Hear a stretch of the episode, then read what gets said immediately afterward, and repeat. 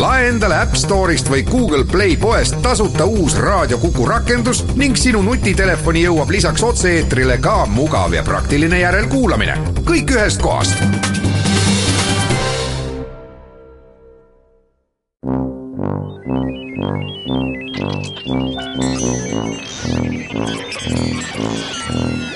vanamehed kolmandalt. vanamehed aitab kolmandale Eesti Koostöökogu. tere päevast! üle hulga aja hakkame täna rääkima põhiseadusest ja küsime, kas põhiseadus on seadus nagu iga teine, kas ja millistel juhtudel oleks teda vaja muuta, kuidas seda teha, sest eks need küsimused ole ju olnud üht või teist serva pidi avalikus arutelus ikka teemaks ja ja koalitsioonikõnelustel niisamuti siin stuudios on mul suur rõõm tervitada meie saate püsikülalist ja äsja Riigikokku valitud Jüri Adamsit, tere Jüri! tere, tere, proua õiguskantsler! no kumbki ei ole vist täna veel ametivannet andnud, aga suur aitäh! ja meie teiseks saatekülaliseks on põhiseadusõiguse väga hea asjatundja ja praegu pikka aega Tallinna Ringkonnakohtus kohtuniku ametit pidav Oliver Kask, kes on ühtlasi juba kolmandat ametiaega ka põhiseadusküsimustega tegeleva Veneetsia komisjoni liige, tere Oliver! tere! ja saatejuhi rollis Ülle Madise, Tartu Ülikooli riigiõiguse professor. no nii, et räägiks siis veidi põhiseaduse tüüpidest ja selleks, et seda teemat avada, noh, hakkaks peale sealt, et kui Eesti põhiseaduse üle arutletakse, et kas ta sai hea või halb, siis lisaks sisulistele küsimustele, mis siis puudutavad kas presidendi otsevalimist või kohaliku omavalitsuse rolli või või rahvahääletusi, rahvaalgatusi, tihtipeale arutatakse ka selle üle, et vaata, et põhiseadus on nüüd justkui ajale jalga jäänud ja ja et üks või teine termin ei ole täna enam selle tähendusega või et et näiteks paragrahvis nelikümmend kolm, mis käsitleb sõnumisaladust, on kirjas, et igaühel on õigus temale posti ehk siis vanamoodsa kirja, telegraafi või telefoni teel edastatud sõnumite saladusele, noh täna vist telegraafiga esitatud sõnumite saladus nii noh, esmatähtis Eestis võib-olla polegi enam, et, et pigem me räägime internetiga seotud küsimustest ja nii edasi, et ehk siis öeldakse, et vaat, et tuleks nüüd ikkagi tänapäevased terminid põhiseadusesse kirjutada, nii nagu seadusandja on nad siis erinevates seadustes juba niikuinii kirja pannud, siis noh, teised, see on nüüd üks väiksem grupp, kelle hulka ka mina kuulun, ütlevad, et kui sellel põhiseadusel midagi viga on, siis võib-olla see, et ta sai liiga detailne, aga see ei ole kirjutajatele etteheide, sest kui vaatad teiste riikide põhiseadusi, siis neist paljud kannavad selle valmimise aja pitserit, et eks üks hea põhiseadus ju sünnibki ühiskonna koostöös ja aruteludes ja tihtipeale võib-olla see, mis juristi pilgul ei tundu just ratsionaalne, kellegi teise jaoks on möödapääsmatu, et see põhiseadus üleüldse vastu võetud saaks ja siis on ka neid, kes tahaks, et põhiseadus oleks väga-väga detailne, nii nagu kodanikuõpetuse õpik, ehk siis et muudetaks neli-viis-kuus korda aastas elu ees ja põhiseadus järel. ja sellepärast ma nüüd küsingi, et kuidas teie tunnetate, et et kas põhiseadus on seadus nagu iga teine, et, et milline see põhiseaduse olemus riigiti on? no minu arvates on põhiseadus, juristina saan seda öelda on põhiseadus eelkõige ikkagi selline noh, nii, nii sellise õigusakti kui ka kultuurilise dokumendi selline sümbioos. et ühelt poolt on ta tõesti seadus nagu iga teine, me tõlgendame seda kasutades üsna samu argumente ja, ja kohtus räägime põhiseadusest nii nii nagu ka kõikidest teistest seadustest. aga selline sõnastuse täpsuse tagaajamine noh, on, on, on just põhiseaduse kui sellise rohkem printsiipe sõnastava akti puhul noh, oluliselt äh, vähem oluline või, või teisejärgulisem. et, et see kultuuriline noh, stabiilsus või püsivus on ilmselt üks, üks neist põhjustest, miks ei peaks iga niisuguse pisiasja pärast minema põhiseadust muutma Eestisse keelde sõna põhiseadus. Ilmselt tuli nii, et tõlgiti saksa keele sõnast Grundgesetz ja see on ka põhiseadus. Ja põhimõtteliselt äh, maailmas kasutatakse ka teist sõna konstitutsioon, mis tähendab tegelikult põhikorraldust. ja päris, on ka niisuguseid riike praegu veel, aga varasemal ajal oli palju rohkem, kus nii-ütelda riigi põhikorraldus oli ju täiesti olemas ja välja kujunenud, aga see ei olnud kunagi kirja pandud väga selgelt ühte mingisugusesse dokumenti, et et meie põhiseadus on korraga siis mõlemat, et ta on kirjalik tekst, aga temal on siis ka sees riigi põhikorraldus ja kuna tema oma ajalooliselt tüübilt jälgib seda, mis kujunes välja Prantsuse suure revolutsiooni ajal, mitte Ameerika eeskuju, siis on tal ka kaks sisulist osa, nii nagu Prantsusmaal see välja kujunes, et tal on see riigikorralduse osa ja siis on tal ka see osa, mis on siis äh, põhiõigused ja kohustused, see algselt tekkis ju niimoodi, et äh, äh kuidas seda kutsuti, seda Prantsuse esimest, esimest parlamenti, äh, et seal võeti vastu kodaniku ja inimese õiguste deklaratsioon, mis, mis lülitati teise teksti külge ja niimoodi see, see mudel, mudel kujunes välja ja meie, kui nüüd veel rääkida tüüpidest, siis äh, see, mida saatejuht ütles, et see pikkuse või lühiduse küsimus, ma olen täiesti nõus, et põhimõtteliselt on, mida pikem põhiseadus, kus see, siis seda rohkem tuleb seda muuta ja mida lühem põhiseadus, seda, seda vähem tuleb teda muuta, et see on, see on väga oluline, aga on veel üks niisugune hinnang, mida ma kunagi lugesin ühest eh, teoreetilisest raamatust, ja see on see, et põhiseadused on kirjutatud vähemalt oma lähtekohana erinevatelt seisukohtadelt, et kolme niisugust lähte- ja seisukohta võib välja tuua, et kas nad on üles ehitatud riigi huvide keskselt, kas nad on üles ehitatud rahvuse huvide keskselt, antud juhul siis rahvusriigi põhiseadus muidugi, või tema on üles ehitatud üksikisiku huvide äh, keskselt. Ja kui meie Eesti ennesõjaaegsed seo-, põhiseadused olid pigem kombinatsioonid nendest variantidest, mis olid rahvus, Eesti rahvuse huvide kesksed ja, ja Eesti riigi huvide kesksed, siis see nüüd üheksakümne teise aasta põhiseadus on tegelikult segu kõigest kolmest printsiibist, aga siin on väga jõuliselt tuli ilmselt Ameerika eeskujul sisse lähenemine üksikisiku õigustest et vähemalt teine peatükk on, või õiguste peatükk on suurel määral selle, sellele üles ehitatud ja võib-olla, võib-olla selles mõttes on praegune äh, põhiseadus natukene tasakaalustatum, kui olid ennesõjaaegsed näiteks arusaamad sellest, milline on riigi ja inimese suhe või milline on inimese koht ühiskonnas, ole ajaloos muutunud ka nendes riikides, mida on juba pikka aega saanud pidada demokraatlikeks, nii et et ju nende muudatustega see niisugune üksikisiku valikuvabaduse ja tema õiguste ja, ja võib-olla teistest teistmoodi olemise õiguse ulatus, noh, see muutubki ajas. noh, olgem ausad, vaadates tänapäeva neid riikide põhiseadusi, siis see, see tendents on üha rohkem ja rohkem sinnapoole, et, et me keskendume põhiõiguste küsimustele just põhiseaduse tasandil, võttes, võttes Suurbritannia, eks ole, mis on klassikaline näide, kus, kus pikka aega ei ole kirjutamata mingit üht, ühte põhiseadust, siis siis äh, seal on ka see inimõiguste äh, seadus on, eks ole, noh üks, üks selliseid kesksemaid ja tähtsamaid, eks ole, äh, mis, mis, mis tänapäeval noh, nende sellise nii-öelda kirjutamata põhiseaduse kontekstis on ük-, üks osa sellest, mis, mis on kirja pandud. et, et, et ka teisi riike vaadates kus, kus vähegi sellised noh, vanemast ajast pärit põhiseadused on, siis äh, aja jooksul äh, lisatakse sinna ikkagi ka, ka see põhiõiguste äh, või noh, selliste ühiskonnaelu korralduse printsiipide temaatika sisse, et, et see riigikorralduse küsimused on, on jäämas tasapisi juba tahaplaanile, ütleme et sellele ka korra viitasin, et mingis mõttes tundub, nii palju kui ma olen riikide põhiseadusi vaadanud, et nad äh, kannavad päris tugevasti ja ma ütleks, et eh, noh, mingis mõttes justkui armsasti või, või vahvalt seda sünnihetke pitserit, et ehk siis mingid teemad on sageli eh, eriliselt esile tõstetud. et seda saab näha Eesti põhiseaduses, siin Jüri on meil kohal, kes kohe oskab selgitada, et, et mis tema tunnetuse kohaselt eh, selle ajastu pitser meie põhiseadusesse sai, aga näiteks kui vaadata siin Šveitsi põhiseadust, siis siis seal on, on korraga sees teatud äh, geenitehnoloogiate doonorlust puudutavad sätted näiteks, mis meie jaoks oleks juba nagu noh, ei, ei tundu nii oluline või siis mingid teised põhiseadused, mis on sündinud ajal, kui näiteks naistele hääleõiguse andmine oli aktuaalne, et mis siis ekstra rõhutavad, et mitte lihtsalt, et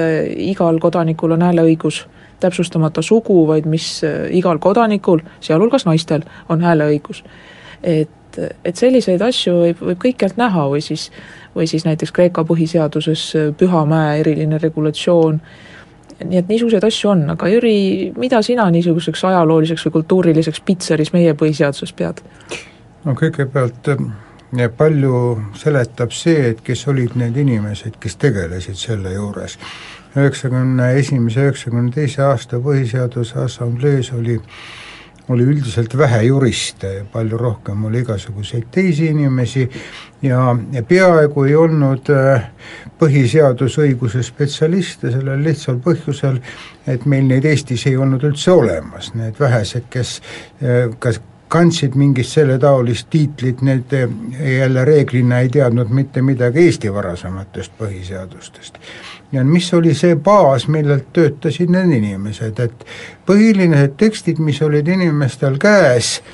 ma arvan, et enamik ei olnud ühegi muu riigi põhiseadust lugenud, aga oli väga põhjalikult loetud Eesti ennesõjaaegseid põhiseadusi, me võime ütelda, et neid oli siis kas kaks pool põhiseadust või kolm põhiseadust, mõtleme see keskmine vabadussõjalaste põhiseadus, et see oli niimoodi, et tema äh, oli ainult ühes osas muudetud, et poole, pooles materjali ulatuses umbes oli säilinud kahekümnenda aasta põhiseaduse tekstis, kolmekümne seitsmenda või kolmekümne kaheksanda põhiseadus oli täiesti erinevalt, et need olid need tekstid,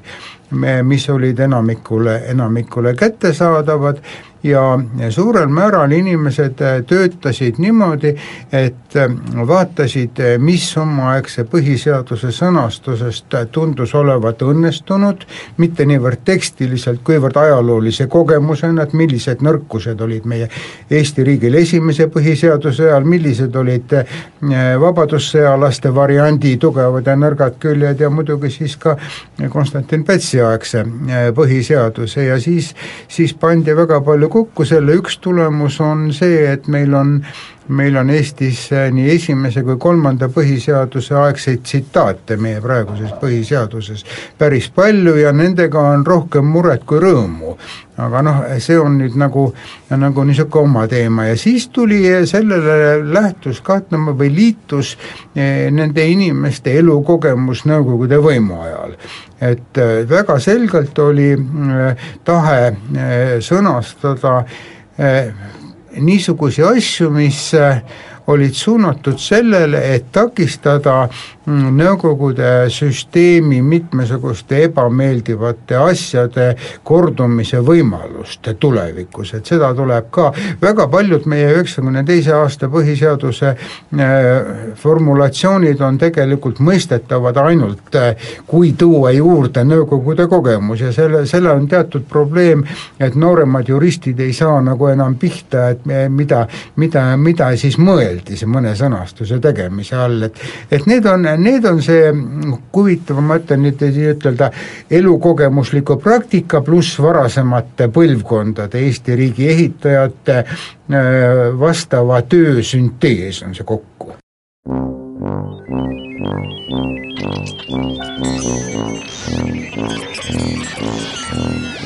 vanamehed kolmandalt vanamehed aitab kolmandale Eesti Koostöökogu. Jätkame saadet, räägime täna põhiseadusest. Jüri Adams, Oliver Kask ja Ülle Madise ja saate esimeses kolmandikus käsitlesime põgusalt põhiseaduste tüüpe ja nüüd hakkame jõudma selle küsimuse juurde, et, et kuidas seda põhiseaduse kvaliteeti mõõta või, või miks, miks siis ikkagi põhiseadust tuleks muuta. ja lühidalt kokkuvõttes on põhiseadusi õige erinevaid riikides, ka nendes riikides, kellega Eesti tahaks oma väärtustelt ja hoiakutelt sarnaneda, et alates väga detailsetest ja väga tihti muudetavatest põhiseadustest, nagu näiteks Saksa põhiseadus, kuni siis äh, väga vanade, väga lühikeste põhiseadusteni, nagu näiteks Ameerika oma,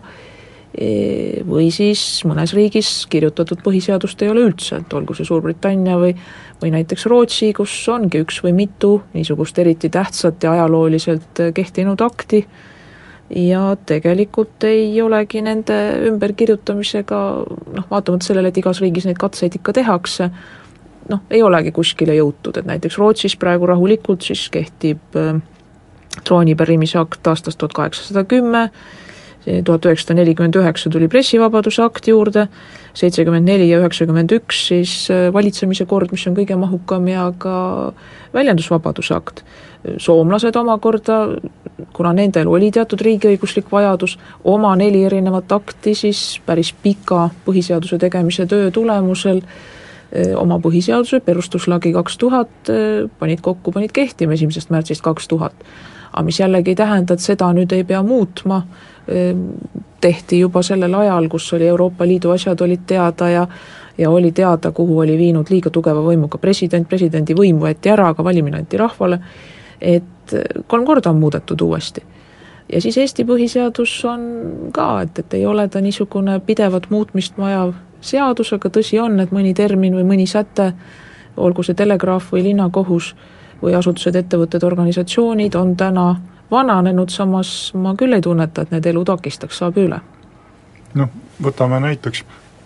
just sellised kõige, kõige nõrgemad või, või kõige enam kritiseeritud kohad meie põhiseadusest, riigikaitse, eks ole, mis võib-olla kirjutamise ajal oli selline, kus, kus selline äh, kaasaegne teadmiste tase või kogemus puudus või, või ütleme, ka seesama õiguskantsleri äh, regulatsioon, mida, mida nüüd õiguskantsleri seaduse läbi on, eks ole, äh, täiendatud ja muudetud tugevasti või Riigikontrolli Äh, pädevuste küsimus, siis, äh, siis äh, noh, valdavalt saab sellistest, sellistest no ajale jalgu jäänud sõnastustest just, just üle- ja ümbertõlgendamise kaudu tavaliste teiste seadustega saab neid, neid ülesandeid täpsustada ja ja täiendada, et pigem noh, see see küsimus, kus, kus hinnata seda põhiseaduse kvaliteeti või seda, kuidas Põhiseaduse Assamblee oma tööga toime tuli, ei olegi mitte see, et et, et äh, kui sageli me tunneme vajadust, et me, põhiseaduse tekst natukene, natukene ajale jalgu jäänud on või, või me kasutame selliseid sõnu, mida me, mida me tänapäeval enam ei kasutaks, vaid pigem see, kui, kui äh, kui suur äh, noh, rahulolu kogu sellise riigikorralduse küsimuse osas ühiskonnas valitseb, kui, kui, kui suur on näiteks noh, kui, kui levinud on näiteks soov äh, luua eraldiseisev põhiseaduskohus, eks ole, või, või presidendi valimise korda muuta või noh, mingeid, mingeid muid selliseid no suuremaloomulisi muudatusi ette võtta, et, et toome näiteks Ungari põhiseaduse, mis äh, võeti vastu kahe tuhande üheteistkümnendal aastal ja mida on äh, tänaseks muudetud viis korda ja, ja, ja päris suure rahvusvahelise surve tulemusel, eks ole, et see on, see on noh, võib-olla üks selliseid näiteid, kus, kus, kus selline ühiskondlik kokkulepe noh, Rousseau mõttes nii hästi võib-olla ei pea, eks ole, põhiseaduse tasandil. et Läti põhiseadus, mis nüüd, mis nüüd noh, on, on ka üheksakümnendatest aastatest alates kaheksa korda muudetud, mis on poole rohkem kui meie põhiseadust, et selle puhul noh, võib, võib-olla saame ka rääkida, eks ole, et võib-olla neid neid, neid äh, soove erineval viisil põhiseadust mingit pidi muuta või, või riigikorraldust mingit pidi muuta, on, on rohkem kui meil, et selles mõttes meie, meie põhiseadus on nagu päris hästi toime tulnud ja, ja põhiõiguste peatükk, eks ole, mis on, mis on võib-olla üks selliseid, mille osas üheksakümne esimesel, ühe, üheksakümne teisel aastal mingit, mingit head tarkust ja teadmist omast käest võtta ei olnud, neil, kes Põhiseaduse Assamblees oli, on ju äh, väga hästi vastu pidanud ja, ja tõepoolest äh, mingisuguseid, mingisuguseid muudatusi ei ole selles osas tehtud. ma natukene detailiseeriksin neid samu, samu lühidalt ütlemisi siin, kõigepealt Läti põhiseadus on äh, praktiliselt seesama, peaaegu sõna-sõnalt, mis oli Eesti esimene kahekümnenda aasta põhiseadus, nimelt lätlased oma esimesel iseseisvuse ajal ei muutnud seda ära ja neil oli võimalik see taas kehtestada ja ja muidugi nüüd uuel ajal tuli seal teha muutusi, aga põhimõtteliselt lätlased elavad ikkagi põhiliselt lähtuvalt sellest tööst, mis kahekümnenda aastal Läti riigile alusepanijad, alusepanijad tegid. nüüd need mm, riigikaitse ja äh, õiguskantsleri teema on mõistetavad ainult äh,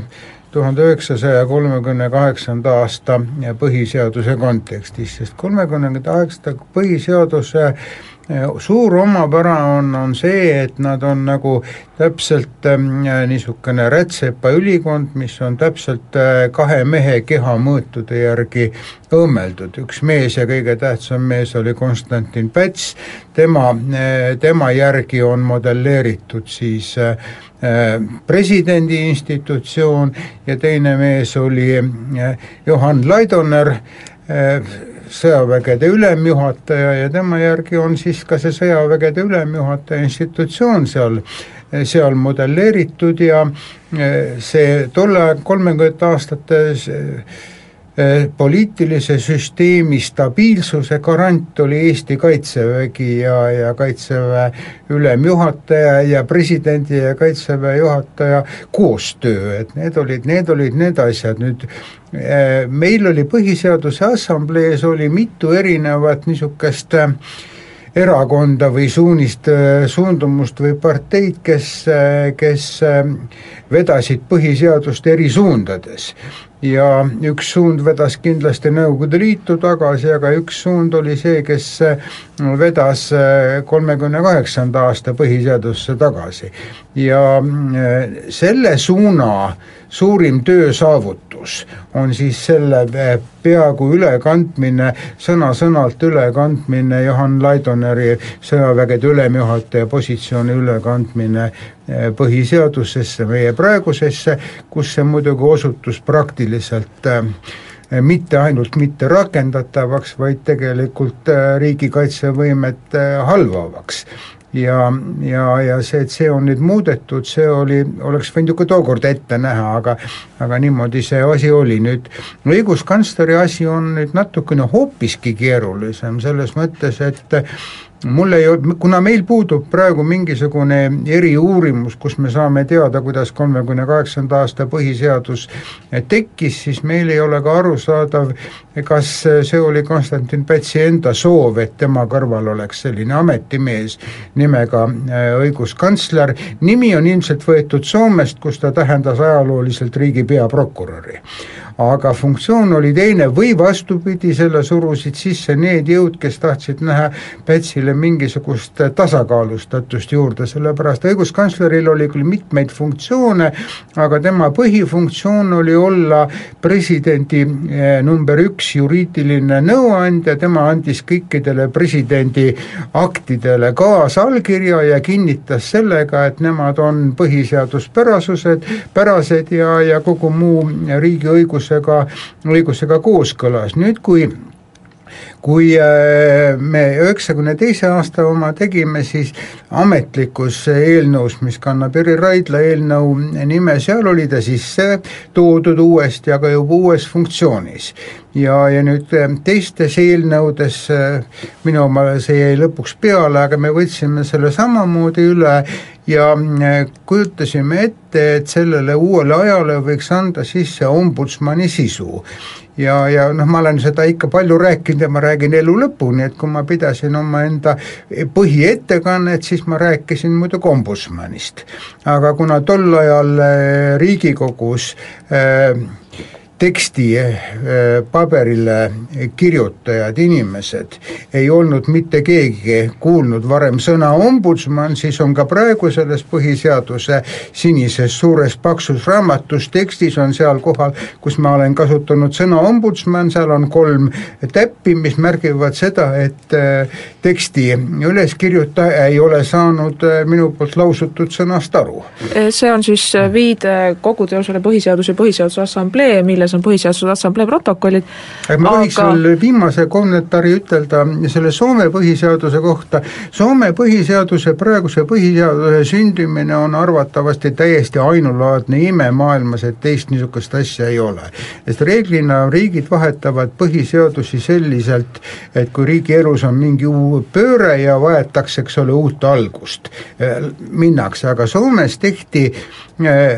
vana põhiseaduse teksti asendamine täiesti uue tekstiga, praktiliselt selle teksti poliitilist sisu muutmata. tahtsin siin kommenteerida, et, et tegelikult mulle tundub, et vähemalt et õiguskantsleri osas see lahendus, mis valiti Põhiseaduse Assamblees, oli geniaalne. et see on tõenäoliselt üks parimaid põhiseaduslikkuse järelevalve mehhanisme, mis Eesti on valinud ja eks see põhiseaduslikkuse järelevalve keskse õiguskantsleri funktsioonina, mida toetab ombudsmani tegevus, ole ju ole me ju äärmiselt mõistlik. seitsme aasta pärast, et kas sa ikka veel nii arvad? ma olen üsna kindel, et ma nii arvan, see töö on kahtlemata raske, aga see, et on olemas sõltumatu põhiseaduslik institutsioon, kes seda tööd teeb, ja et selle kaudu ühtpidi säästetakse rahva valitud parlamendi otsustusõigust, teiselt poolt on ta tõhus, säästlik, kvaliteetne, erapooletu eh, põhiseaduslikkuse järelevalve töö, et, et see on tõesti küllaltki harukordne ja et see on ilmselt midagi, millest oleks ka teistel riikidel väga palju õppida, et see mudel töötab tõesti hästi ja see ombudsmani lisamine sinna juurde ei, ei pruugi üldse mitte olla halb. ja jällegi, seda sõna ombudsman ei ole vaja põhiseadusesse kirjutada, asi toimib, mitte mingit probleemi pole aga et siit äh, edasi minnes vaat eks see olegi üks suur vahe, kas põhiseadust tuleb muuta sellepärast, et on tekkinud sisuline vajadus või lihtsalt ilu pärast. Ja ilu osas me vist jõudsime konsensusele, et et lihtsalt ilu pärast või sellepärast, et üks või teine sõna on ajas oma tähendusväljas muutunud, ilmselt ei ole põhiseaduse muutmist tarvis ette võtta, aga nüüd minu järgmine küsimus teile oleks see, et kui sisuküsimusi muudetakse ja muudetakse väga sageli, et kas see siis enam on tegelikult põhiseadus, et ma küsin just seda, et et kas tegelikult sead-, põhiseadus, mis lohiseb elul järel, täidab enam oma rolli, olla see mingisugune ühiskonna väärtuste ja toimimispõhimõtete kokkulepe?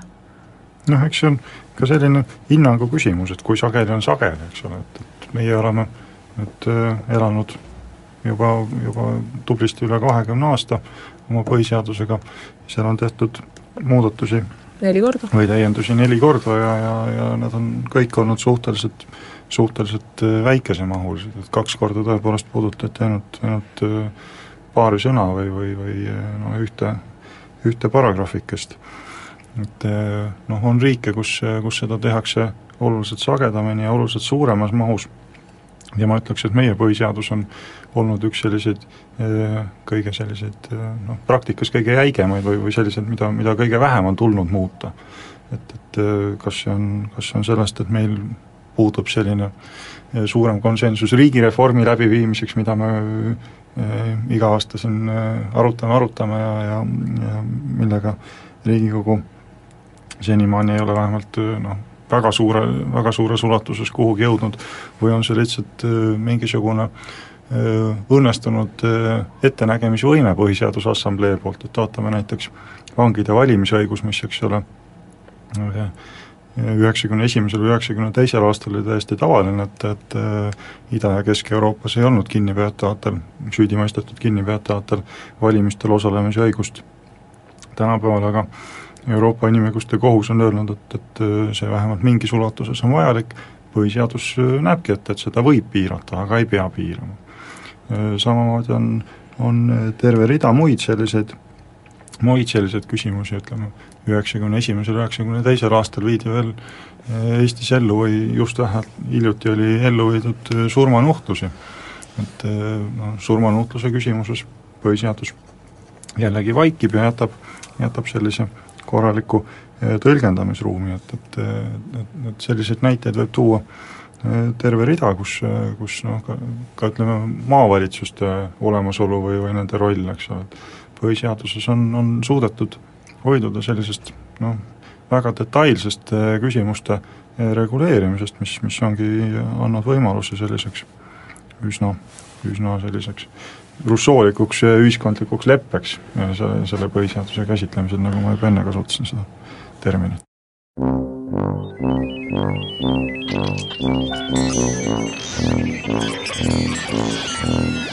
vanamehed kolmandalt. vanamehed aitab kolmandale Eesti Koostöökogu. jätkame saadet, räägime täna põhiseadusest Jüri Adams, Oliver Kask ja Ülle Madise ja tasapisi hakkame jõudma küsimuseni, et kas tõlgenduskindlat põhiseadust on olemas, aga enne veel jäi sõnajärg Jüri kätte. Jah, no mitmed, mitmed õnnestunud vaikimised põhiseaduses muidugi tekkisid sel teel, et emb-kumb, kas ei olnud inimest või rühma, kes oleks väga seda push inud, nagu praegusel ajal me ütleme oma otses eesti keeles, mis on väga ilus sõna iseenesest, ja mm, teine või teine võimalus, et oli, oli selgelt näha, et arvamused lähevad nii-ütelda äh, enam-vähem võrdselt lahku ja siis kompromiss saavutati sel teel, et et vaidluskoht vaikiti maha, ega see ka iseendast ju, iseendast ju sugugi paha ei ole, et niimoodi see, niimoodi see asi läheb, meie põhiseaduse muutmise küsimus on tegelikult natuke keerulisem, selles mõttes, et meil on praegu välja kujunenud asjad niimoodi, et äh, põhiseadust on muudetud nendel kordadel, kui valitsuskoalitsioon on näinud seda emb-kumb kas enda populaarsuse huvides või vajadusena mingit tööd, äh, normaalset tööd takistavat sõnastust eest ära koristada, aga äh, niisugustes laiemates küsimustes, mis ei ole ühe valitsuskoalitsiooni huvide küsimus, meil ei ole, meil ei ole kohta kus, kus neid muudatusi ette valmistatakse, minul on praegusel hetkel tunne, et meil on küpsenud äh, vähemalt kahe äh, laiema muutuse vajadus, esimene on äh, seoses selle kogemusega, mis meil nüüd kaksteist aastat on, et Riigikogus häälteenamuse või praktiliselt konsensusega on erakonnad määranud iseendale tohutu Äh, rahalise toetuse äh, rahva, rahva taskust ja mm, küsimus äh, on tõstatatud nagu see, see selles mõttes, et et kui, kui need asjad oleks, peaks ju põhimõtteliselt olema reguleeritud mingisuguse kultuurilise kokkuleppega, kui ei ole kultuurilist kokkulepet, et kas me peaksime siis põhiseadusesse kirjutama, kirjutama sisse lisakeelu, et et Riigikogul ei ole õigust nii-ütelda iseenda taskuid täis toppida, ükskõik äh, mis põhjus on, see on üks, aga teine, mis nüüd muutub järgmine, järjest aktuaalsemaks, on küsimus sellest mm, suhteliselt napilt äh, välja kirjutatud peatükist, mis käsitleb kohalikku omavalitsust, et seal on mitmed ebaõnnestunud sõnastused, aga need, nende ärakoristamisega võiks teha, aga tundub, et äh, katsed äh, muuta meie kohaliku omavalitsuse äh, struktuuri ja ülesandeid et need tõenäoliselt takerduvad selle peatüki praeguse sõnastuse taha, vähemalt need poliitilised jõud, kes ei taha vastavaid muutusi, tõenäoliselt saavad ennast kaitsta olemasoleva, olema sõnastusega ja, ja hakkama käima kohut. Ja see võib väga pikaks minna, nii et mina vaikselt praegu mõtlen sellele, et küll oleks hea, kui keegi kena inimene võtaks vaevaks ja paneks ühel ilusal päeval kirja äh, selle peatüki uue sõnastuse ja vaadata, mis on see ideaalsõnastus, mis ava, avaks võimaluse meil äh, teha neid muudatusi, mis on mõistlikud ja vajalikud. no eks see ole ühe eraldi arutelu teema, sest tegelikult jällegi ma ütleks, et ka kohaliku omavalitsuse peatükki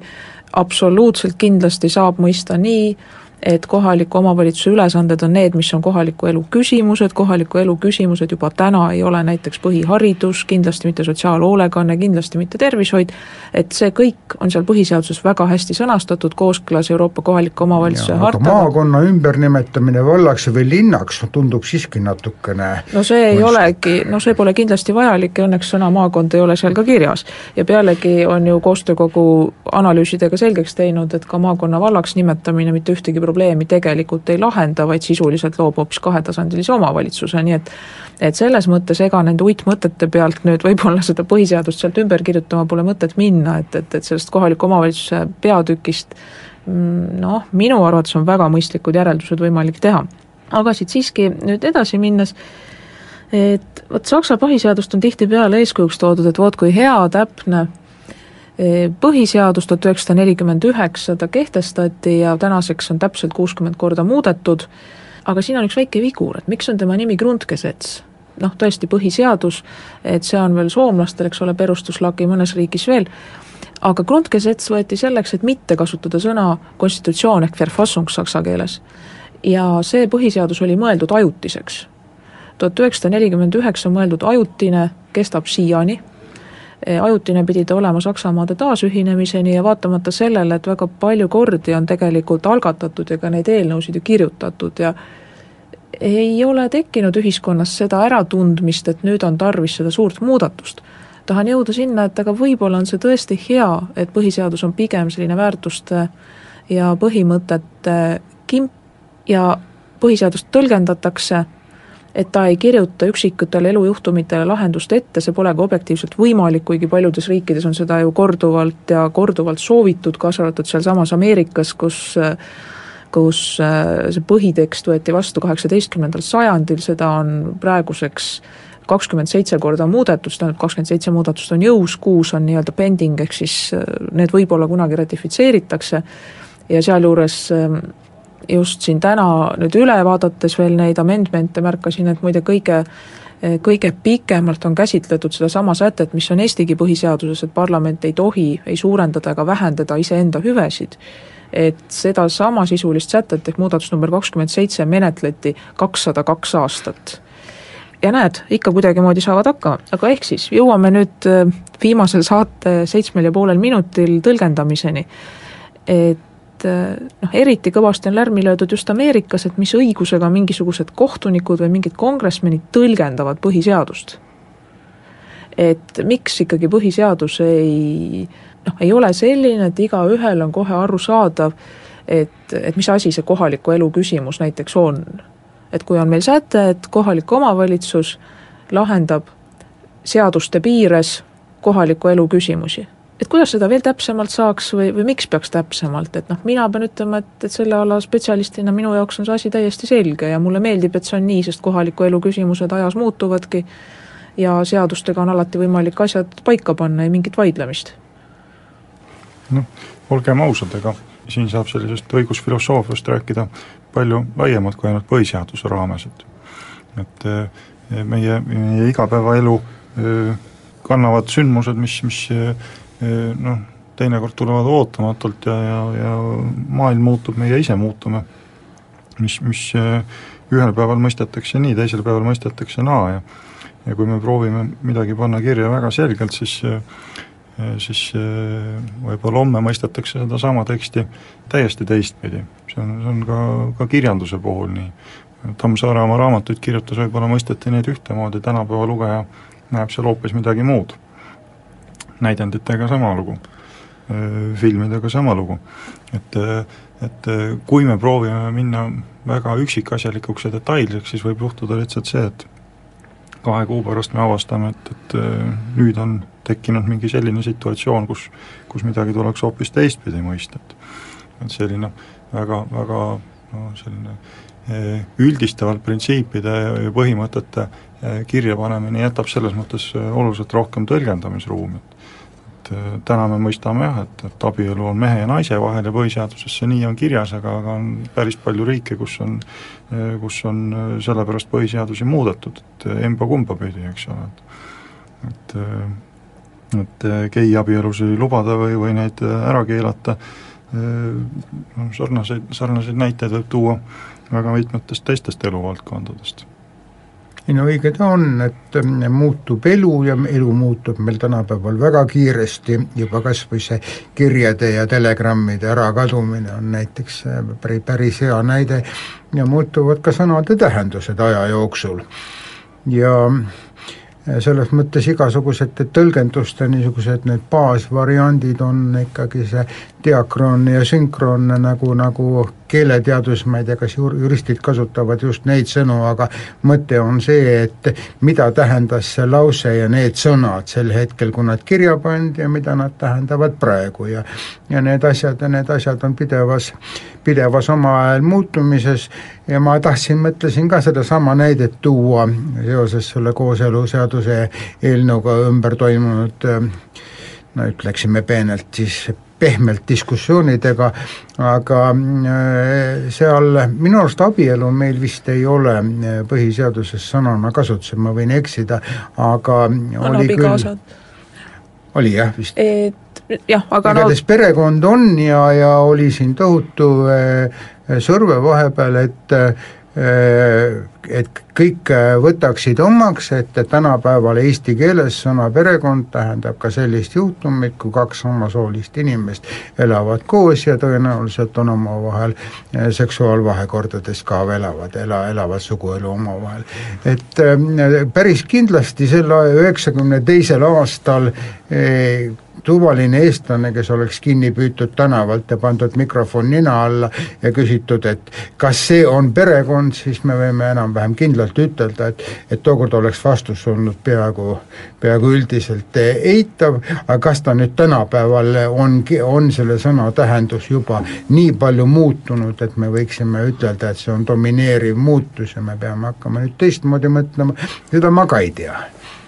no siin ka Euroopa Inimõiguste Kohtu lahendid mängivad päris tugevat rolli, aga samal ajal noh, minu arvates väga head sõnad ütles Vabariigi President Eesti iseseisvuspäeva kõnes ja ta ütles seda, et iseolemise mõte on olla ise ja mitte saada kellekski teiseks. ja Eesti on endale neid võimalusi ise oma ühiskonna väärtuselisi ja põhimõttelisi kokkuleppeid kokku leppida on ikkagi päris suures ulatuses säilitanud, ka olles Euroopa Liidu liige. et vot Euroopa Liiduga seotud muudatus, mis põhiseadusesse tehti aastal kaks tuhat kolm, neljateistkümnendal septembril rahvahääletusel, et see on võib-olla üks neid seni tehtud muudatusi, mille mõju ja kaal on väga suur ja mis on koalitsioonide, erakondade ülese tähtsusega muudatus, et kui siin Jüri enne rääkis, et mis asjaoludel on üldse põhiseadust muutma asutud et ja seal oli ka rahvahääletus ainsal korral. ja minul on jällegi hea meel, et just niisugune tee sai tookord valitud, et tõsi, teised riigid üldiselt sellist lähenemist ei ole kasutanud, aga minu jaoks jääb alati arusaamatuks, et mis mõte on Eesti Vabariigil, Eesti iseseisvusel, kui me argumenteerime millegi tegemist või tegemata jätmist sellega, et aga teistel on nii või et teistel nii ei ole. et loomulikult on hea vaadata, kuidas teistel on ja siis arutleda, et kas see, kuidas teistel on, on neil seal hästi või on see neil seal halvasti ja kuidas see siin meil oleks. ja kui see siin meil oleks hästi, siis loomulikult tasub samamoodi teha. aga iseenesest, et see pelk argumentatsioon, et nii ei saa, nii ei või, sellepärast et teised nii pole teinud, et minu meelest on see suhteliselt äh, kummaline. aga nüüd näen, et meie saate sekundid tiksuvad armutult täis, nii et et viimasel hetkel saan veel meelde tuletada, mis asjus meil Eesti põhiseadust on muudetud, Euroopa Liitu mainisin, preambulasse lisati, et lisaks eesti kultuurile tuleb eraldi kaitsta ka eesti keelt, riigikaitse valdkonnas riigikaitse eh, kõrgemaks juhiks sai vabariigi president, mis tähendab, et eh, juhtimine minu arvates väga õnnestunult on jäänud tasakaalustatuks, aga samal ajal Kaitseväe juhataja allub selgelt valitsusele, mis on jällegi mõistlik, eh, kohaliku omavalitsuse volikogu valimisperiood on nüüd neli aastat, algselt oli kolm, ja praegu on siis järgmise Riigikogu kokkuastumist ootamas viies põhiseaduse muudatus, ei mäleta, et see oleks olnud eelmise koalitsiooni leppes, aga ega ei peagi, teemasid võib ka vahepeal lauale tulla, ja see on siis äh, muudatus sealsamas kohaliku omavalitsuse peatükis, kus vähemalt kuueteistaastastele isikutele antakse kohalikel valimistel hääleõigus nii et kui nüüd äh, Jüri osalusel kokku astuv parlament otsustab seda muutmata kujul toetada, kuuskümmend üks häält on vaja, et siis tuleb meil ka viies põhiseaduse muudatus. ilmselt see nii läheb, me ei näe mingisugust imet taevast alla tulevat, mis seda suudaks takistada. ja sellel väga positiivsel noodil ütlen suur aitäh Jüri Adamsile ja Oliver Kasele, suur aitäh kõigile kuulajatele ja kuulmiseni jälle järgmisel nädalal!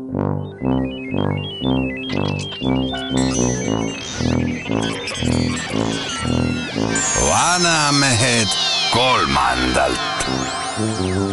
vanamehed aitab kolmandale Eesti Koostöökogu